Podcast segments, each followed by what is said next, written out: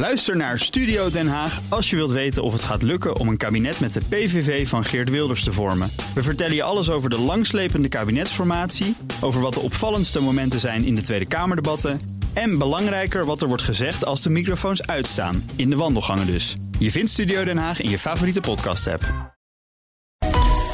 Economenpanel. De Nederlandse schatkist loopt 4 miljard euro mis door het uitstellen van de aangifte van vermogensbelasting in box 3. En centrale banken blijven toch enigszins afwachten terwijl de inflatie recordniveaus bereikt. Dat en meer bespreek ik in het Economenpanel. En daarin zitten Esther Barendrecht, hoofdeconoom van Rabo Research. En Marijn Jongsma voor zijn debuut in het Economenpanel. Redacteur macro-economie van het Financieel Dagblad. Goed dat je er bent. Dank. Ook goed dat jij er bent, Esther. Uiteraard. Aan jou ook eh, de edele taak om alvast maar even uit te leggen... wat er nou precies schort aan die spaartax. Want het gaat over enorme bedragen die de Nederlandse schatkist misloopt. 4 eh, miljard euro. Schattingen lopen nog enigszins uiteen... omdat er geen aanslagen gegeven kunnen worden op de vermogens in box 3. Ging altijd uit van een vast rendement van vermogen, een fictief rendement. Hoge Raad heeft volgens mij al eind vorig jaar bepaald... dit kan zo niet. En nu? Ja, en nou zal er uh, een, een, een, tussenoplossing moeten komen... en een definitieve regeling die wel voldoet aan... Uh, uh, aan ja, de, wat onze, ons rechtsstelsel goed vindt. En, en waarom kan dat fictieve rendement niet eigenlijk? Wat, wat, wat is er fundamenteel ja, onjuist? Dus het gaat ervan uit dat, dat je een bepaald rendement haalt... op je spaargeld en op je beleggingen. En je moet daarover afdragen, ook als je dat rendement helemaal niet hebt gehaald. En nou ja, vooral voor spaarders is dat natuurlijk de laatste jaren heel actueel geweest, omdat de spaarrentes steeds verder gezakt zijn. Um, en uh, ja, voor grote bedragen zelfs negatief. En ja, dus, dus daar rendement ophalen is best lastig. En dan moet je daarboven, hè, daarbovenop toch belasting betalen. En daarvan heeft de rechter nu gezegd, dat is niet, dat is niet netjes. Nou, en dan komen we al snel weer terecht uh, op een thema dat vaker in verband wordt gebracht met de Belastingdienst. Het moet allemaal ook nog worden aangepast. Het moet kunnen worden uitgevoerd. Blijkt ingewikkeld. Dus doen we maar nu maar even helemaal niks. Nu kunnen we dus niks. Ja, je zal wel iets moeten. Uh, maar inderdaad, bij elk alternatief dat je voorstelt, wordt gezegd: ja, we, we kunnen het niet. Uh, dus waarschijnlijk zul je met een soort noodoplossing moeten komen, lijkt mij. Uh, want ik denk dat het een illusie is om te denken: van ja, we kunnen die Belastingdienst heel snel op orde hebben om op reële rendementen te belasten. Want nou, dat, dat, is heel duidelijk. Dat is de heilige graal. Ja. Hè, dat je zegt van nou, wat, wat verdien je nou eigenlijk met het vermogen, dan belasten we dat. Uh, Zo gek is dat toch niet eigenlijk? Nee, dat, dat is uh, helemaal niet gek. En dat is het ook ooit geweest. Uh, maar het systeem dat we de afgelopen jaren hebben gehad... blonkt natuurlijk uit in eenvoud. He, je zegt gewoon zoveel rendement maak je... en dan heffen we daar over en dan betaal je dit. Het is iets ingewikkelder gemaakt in 2017. Net hebben ze gezegd van ja, we kijken ook nog naar de vermogensmix. Dus we gaan kijken, als je heel veel geld hebt... gaan we ervan uit dat je meer belegt. En dan hou je dus een hoog rendement en ga je dus meer betalen. Alleen het probleem is natuurlijk dat er ook mensen zijn met een biljoen op hun bankrekening die helemaal niet uh, willen beleggen. En, uh, en die dan vervolgens meer gaan betalen dan dat ze binnenkrijgen. Dus dat is heel onrechtvaardig. Er zijn er ook mensen geweest die in de jaren hieraan voorafgaand hebben geprofiteerd van die fictieve rendementsheffing, die dus eigenlijk te weinig belasting hebben betaald. Absoluut. En horen we die nu wat minder? Al die beleggers hoor je niet, want die hebben veel ja. meer verdiend dan dat ze aan heffing betaald hebben. Het is, uh, zoals een fiscalist uh, een paar weken geleden tegen me zei, het is een uh, degressief stelsel. Hoe meer je verdient, hoe minder belasting je betaalt. Ja. En, en, sorry Esther? Ja, ik wilde zeggen, bij de invoering werd er ook wel gezegd van we stimuleren hiermee risico te nemen. En dat, dat, was, dat werd toen als positief gezien. En nu zeggen we eigenlijk van nou, ja. dat is misschien helemaal niet zo positief.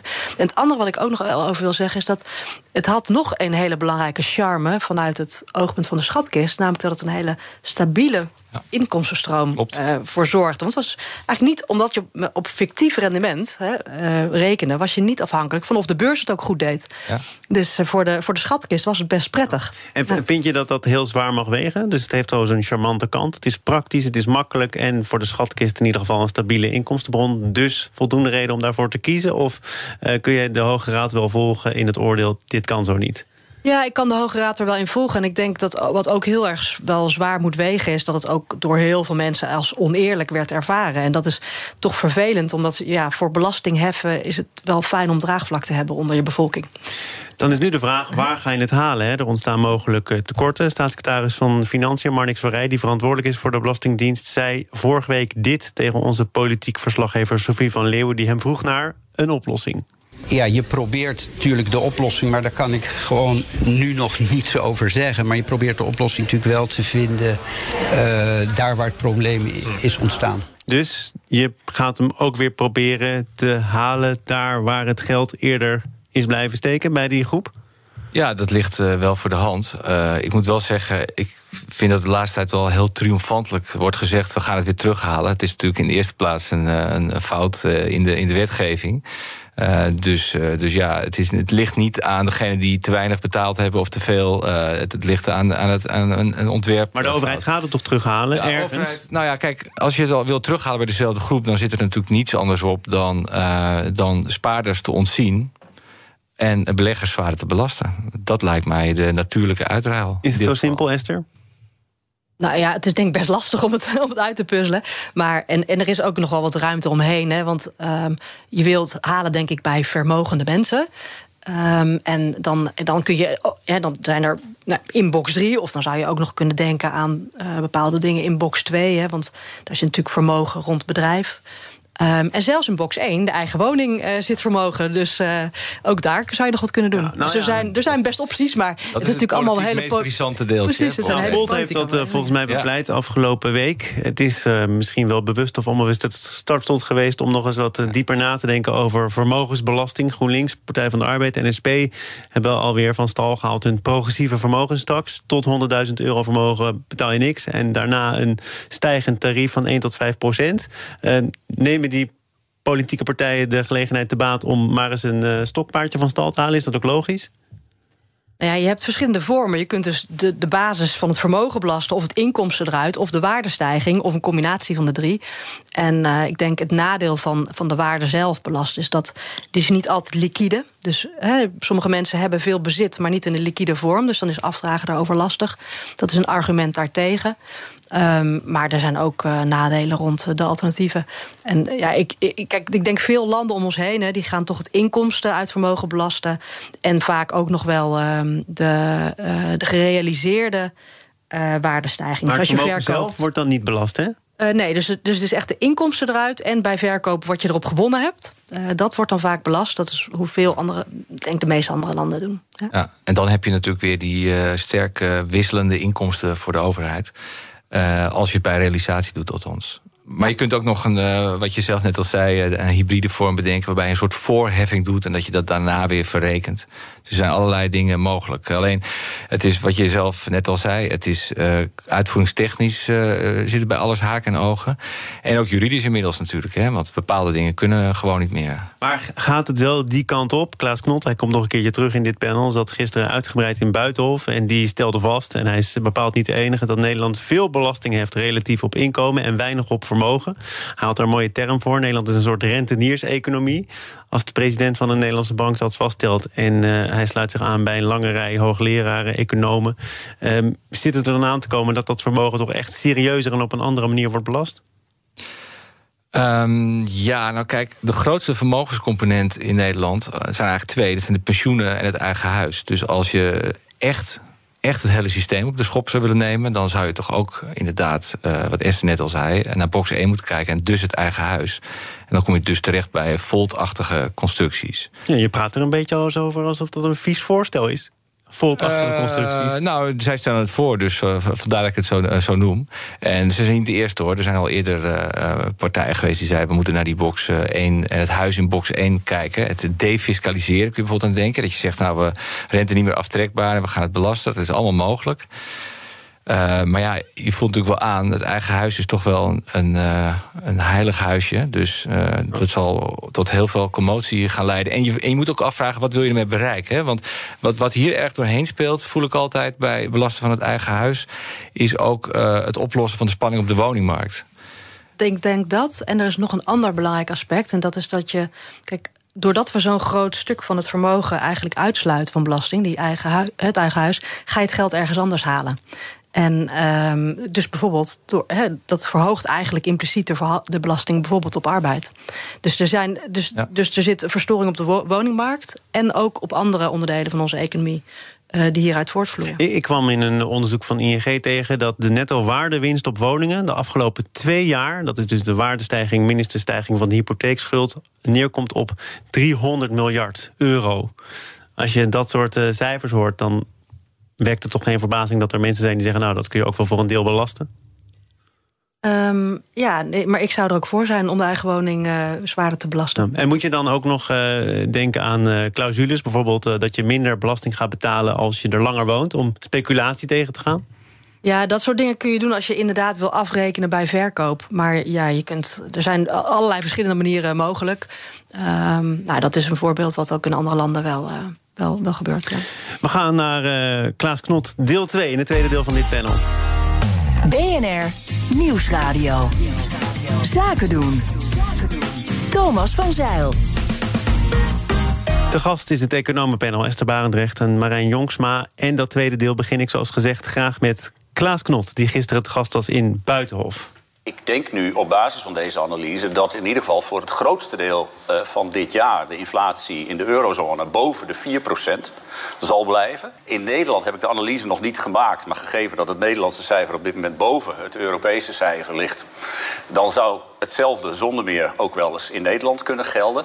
En die hogere inflatie gedurende de, eigenlijk het, veruit het grootste deel van dit jaar, ja, die loopt, heeft natuurlijk dan ook weer een overloopeffect naar het volgende jaar. Dus wij denken nu dat al met al die verhoogde inflatie zeker twee jaar in totaal, even gemeten vanaf vorig jaar zomer, uh, zal gaan duren, zo niet langer. Denken wij, en ik begin bij Jan dat ook, dat het wel twee jaar gaat duren?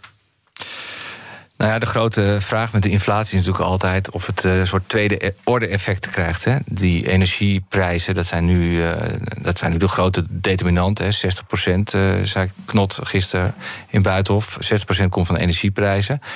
Um, dat loopt er op een gegeven moment natuurlijk uit. Want de kans dat het, eh, de gasprijs nog een keer uh, zo hard gaat stijgen. Nou, uh, nou ja, zeg nooit nooit. Ja, maar het Internationaal Energieagentschap was er weinig optimistisch over. Hè? Verwacht toch nog wel voor een langere tijd hoge prijzen. Ja, precies. Maar goed dat je dat zegt. En dat is precies een beetje het lastige van inflatie. Als iets hoog blijft, uh, dan heb je dus geen inflatie meer. Nee, dan zit het wel in de prijs. Maar dan ben je wel in één keer een heel, hele hap koopkracht kwijt. En dat is natuurlijk ook het, het politiek pijnlijk aan dit hele verhaal. Dat je ja, het is natuurlijk uh, een enorme hap uit de koopkracht van, uh, van iedereen. Uh, van wie het loon niet zo hard meestijgt als de inflatie. Nee. En, dat en, en, en hoe, hoe, minder je verdient, hoe groter het aandeel is dat je kwijt bent aan energie en voedsel. Absoluut. Van je inkomen. Ja. Esther, hoe kijk jij hiernaar? Want Klaas Knot opereert natuurlijk ook zo af en toe in ECB-verband. Hij is ook een van de verantwoordelijken voor het rentebesluit. Dus afgelopen donderdag is dat gepresenteerd door Christine Lagarde. Had ook een pittige persconferentie. En dan zit hij nu uitgebreid eh, bij Buitenhof te vertellen wat hij ervan denkt en hoe problematisch de situatie kan gaan worden. Is dat nog opvallend te noemen? Ja, hij doet het vaker en ik denk, hij is ook niet de enige. Hè? Dus, dus uh, verschillende leden van het ECB-bestuur die uiten zich ook. En uh, ja, ik denk dat voor mensen die dat volgen het ook wel aardig is om een beetje gevoel te krijgen van wat speelt zich daar achter de schermen af voor discussie. En dat het dan ook wel weer een beetje kleuring geeft bij de, bij de officiële lijn. Maar we weten eigenlijk dat Klaas Knot meer een havik is, en dat wisten we al, dan Christine Lagarde en het algemene compromis dat dan op donderdag wordt gepresenteerd. Ja, dat klopt. uh, maar dan is het ook wel interessant. Uh, nou ja, uh, zo bijvoorbeeld. begreep ik dat Olly Reen, die wat meer in het midden zit in de pack, eigenlijk ook al wel een beetje aan het schuiven lijkt te zijn. Dus nou, ik, wij lezen zeg maar ook die persconferentie toch wel als een, ja, als een teken dat de ECB wat eigenlijk, eigenlijk een beetje anders tegen de risico's aan het, aan het kijken is. En, uh... maar wat, wat, wordt daar dan gezegd? Dat moet natuurlijk allemaal heel uh, behouden. Hè? Je kunt niet zomaar zeggen, nou, we gaan de rente nu verhogen... en niet met een kwartje, maar met 1 procent. Maar er wordt dan gezegd, nou ja, eerder dan gedacht... en misschien wel in het uh, vierde kwartaal van dit jaar al. Mm -hmm. Terwijl we nu natuurlijk al te maken hebben... met een enorm opgelopen inflatie. Ja, dat klopt. Um, en, en dan... Um, zij, de ECB heeft verschillende instrumenten. Dus ze hebben altijd gezegd van we willen eerst dat aankoopprogramma van Activa willen we eerst um, afbouwen voordat we de renteknop gaan uh, beroeren. Nou, dus daar, dus daar ligt nog een, een, een tussentaak, zeg maar, die, uh, die moet dat gebeuren. Dat is ook wel de volgorde die, en dat ligt ook wel voor de hand, maar die Klaas Knot voorstaat. Hè? Ja, eerst uh, van het gaspedaal af voordat we gaan remmen. Ja. maar, maar moet je niet al lang van het gaspedaal af, Marijn? Nou, kijk, ik denk dat er hele goede redenen zijn, inderdaad, om, uh, om dat beleid krapper te maken. Um, omdat in een goed draaiende economie is de rente zoals die nu is eigenlijk te laag. Hè? Dus, dus de vraag is, wat is de evenwichtsrente die bij deze stand van de economie hoort? Nou, dat weet niemand precies, maar dat die nu te laag is, dat lijkt me wel, wel duidelijk. Maar en, de, evenwichtsrente, voor de mensen die dat uh, niet dat regelmatig bij horen komen, maar dat is dan precies de rentestand die hoort bij de groei van de economie ja, of de status zegt, van de economie. Waarbij je eigenlijk niet stimuleert, maar ook niet, niet uh, uh, afremt, zeg maar. en de rente ligt nu lager. Het probleem is natuurlijk dat de gevoeligheid voor uh, de rente steeds groter is geworden. Uh, zowel wat betreft aandelenmarkten als uh, overheidsfinanciën. En, en de, de eurozone is natuurlijk een heel divers palet. en er zijn landen die, die hun staatsschuld alleen maar verder hebben zien oplopen. Um, Italië bijvoorbeeld. Dus dat is altijd het voorbeeld in dit geval. En ja, als de rente daar heel hard stijgt, dan hebben ze wel een probleem. Dus heel hard, het gaat hier over een kwartje erbij en dan nog een keer een kwartje. Maar laat, laat ik het zo formuleren. Ik denk dat de meeste er wel over eens zijn dat het beleid zich moet aanpassen. Uh, dat, dat je niet eeuwig in die crisismodus kunt blijven. Want dat is, dat is eigenlijk gebeurd. De rente, het, het ECB-beleid zit eigenlijk nog een beetje in, in de crisismodus. Daar moet je uit. Uh, alleen je, het is natuurlijk niet zo dat als je dan maar als een, uh, een dolle op het uh, rempedaal gaat drukken, dat je dan van alle problemen bent verlost. Want je creëert ook weer problemen. Je creëert marktonrust, je, je creëert misschien instabiele overheidsfinanciën. Dus je moet dat heel het klinkt een beetje saai, maar je moet het toch voorzichtig aanpakken, lijkt mij. Ja, ja, ik weet niet of het, of het ook zo saai is als jij er naar kijkt, uh, Esther. Want, want je ziet andere centrale banken natuurlijk wel doen. Hè, uh, die misschien iets minder rekening hebben te houden met zuidelijke lidstaten met hoge staatsschulden. Maar de Fed is in beweging gekomen. De Bank of England is in beweging gekomen. En zo kan ik nog wel een tijdje doorgaan. ECB wacht toch nog af. Ja, het lastige is dat die inflatie inderdaad heel erg gedreven wordt door de energieprijzen. En dat dan doorcijpelt hè, in andere prijzen. Um, en dus de vraag is ook hoeveel je eigenlijk met uh, die renteverhoging ga je niet de energieprijzen beïnvloeden. Dus één, ja, uh, hoe effectief is het? En twee, het risico dat je er daarmee toch. Uh, kijk, want wat de inflatie wel doet, is de koopkracht verminderen. Dus wat je eigenlijk ook wel kunt verwachten, is dat het de consumptie gewoon in Europa ook eh, zal doen uh, dalen. Dus uh, de fijne lijn die zo'n centrale bank probeert te bewandelen is ja, om niet te veel op de rem te gaan staan straks. want er gaat waarschijnlijk van de inflatie zelf ook al een rem op de vraag uit. En tegelijkertijd, ze willen ook niet te laat zijn, want dat is met inflatie ook heel onprettig. En, en dreigt dat nu dat ze te laat zijn? Nou, ik denk dat, ze, dat zij nu de afweging maken dat ze, dat ze dat in ieder geval niet willen. Dus je ziet daar eigenlijk een beetje een verschuiving in van hé, hey, we volgen eigenlijk onze baseline verwachting. Die inflatie die zal op een gegeven moment ook weer dalen. En dan moeten we niet, hè, dan moeten we niet te snel uh, op de rem hebben gestapt. En dat ze nu lijken ze een switch te maken naar we willen in elk geval niet te laat zijn. Ik, ik moet er ook even switchen voordat ik eh, veel te laat ben interessant thema. Het kwam eh, naar voren in een groot stuk van jou uh, afgelopen week. En Esther, we hebben er ook wel eens over gesproken. Het bruto binnenlands product als de maatstaf voor nationaal inkomen. Economisch succes. Jij schreef erover, Marijn. Uh, ook met alle haken en ogen die daaraan verbonden zijn. Mogelijke alternatieven die als paddenstoelen uit de grond schieten, maar dan ook weer hun eigen beperkingen kennen. Ja. Ehm, wat, waarom dacht je, dit moeten we toch nog weer eens beschrijven? Ja, toen ik hier eh, even buiten de studio zat, zei ik ook tegen Esther: dit verhaal had ik een jaar geleden kunnen schrijven en over een jaar ook. Uh, uh, dus de timing is natuurlijk altijd. Het is een onderwerp wat heel erg in academische kringen speelt. En de aanleiding was eigenlijk, en dat is voor de gemiddelde lezer misschien helemaal niet zo boeiend, maar er, er, is een enorm debat gaande in economisch-statistisch berichten. Ons zusterblad, speciaal voor economen. Althans, vooral gelezen door economen. Uh, en dat debat is, vond ik, tamelijk academisch. En, en, en best ja, ook in hoge mate abstract. Dus ik denk, het is misschien goed om daar een verhaal over te schrijven... wat iets dichter bij de lezer staat. Om eens nou duidelijk te maken, wat is nou eigenlijk het probleem. Want we hebben natuurlijk al heel lang over het feit dat het nationaal inkomen, zoals we dat meten, dat het eigenlijk. En wat is het probleem? Nou, het probleem, een van de bekende problemen is dat Um, dat milieuschade bijvoorbeeld niet uh, uh, wordt afgetrokken van de groei. Om het voorbeeld te geven, als jij naar Tata Steel woont en die fabriek verdubbelt, nou dan kun je zeggen prachtig, want we hebben meer export van staal, dus de groei neemt toe, hoger BBP. Maar die mensen die daar met allerlei gezondheidsproblemen zitten, ja, die schade daarvan, die trek je er volgens niet van af. Dus het is incompleet. En dat is, dat is alleen nog maar het milieu. het zou kunnen dat die mensen daardoor zich ongelukkiger gaan voelen. hun welzijn neemt af. Voor je dit weet, meet je alles. En dan is het einde zoek. En dat is volgens mij dan weer de andere kant van de score. Dat het dan helemaal niks zegt. Of dat je niet meer weet waar je moet stoppen. Nou ja, maar ik, ik vond het een heel erg leuk artikel. Omdat het voor, voor mij is het ook heel actueel. Omdat wij eigenlijk bij Rabo Research ook beide kanten doen. Dus wij proberen ook die brede welvaart in kaart te brengen en zelfs te meten met objectieve maatstaven.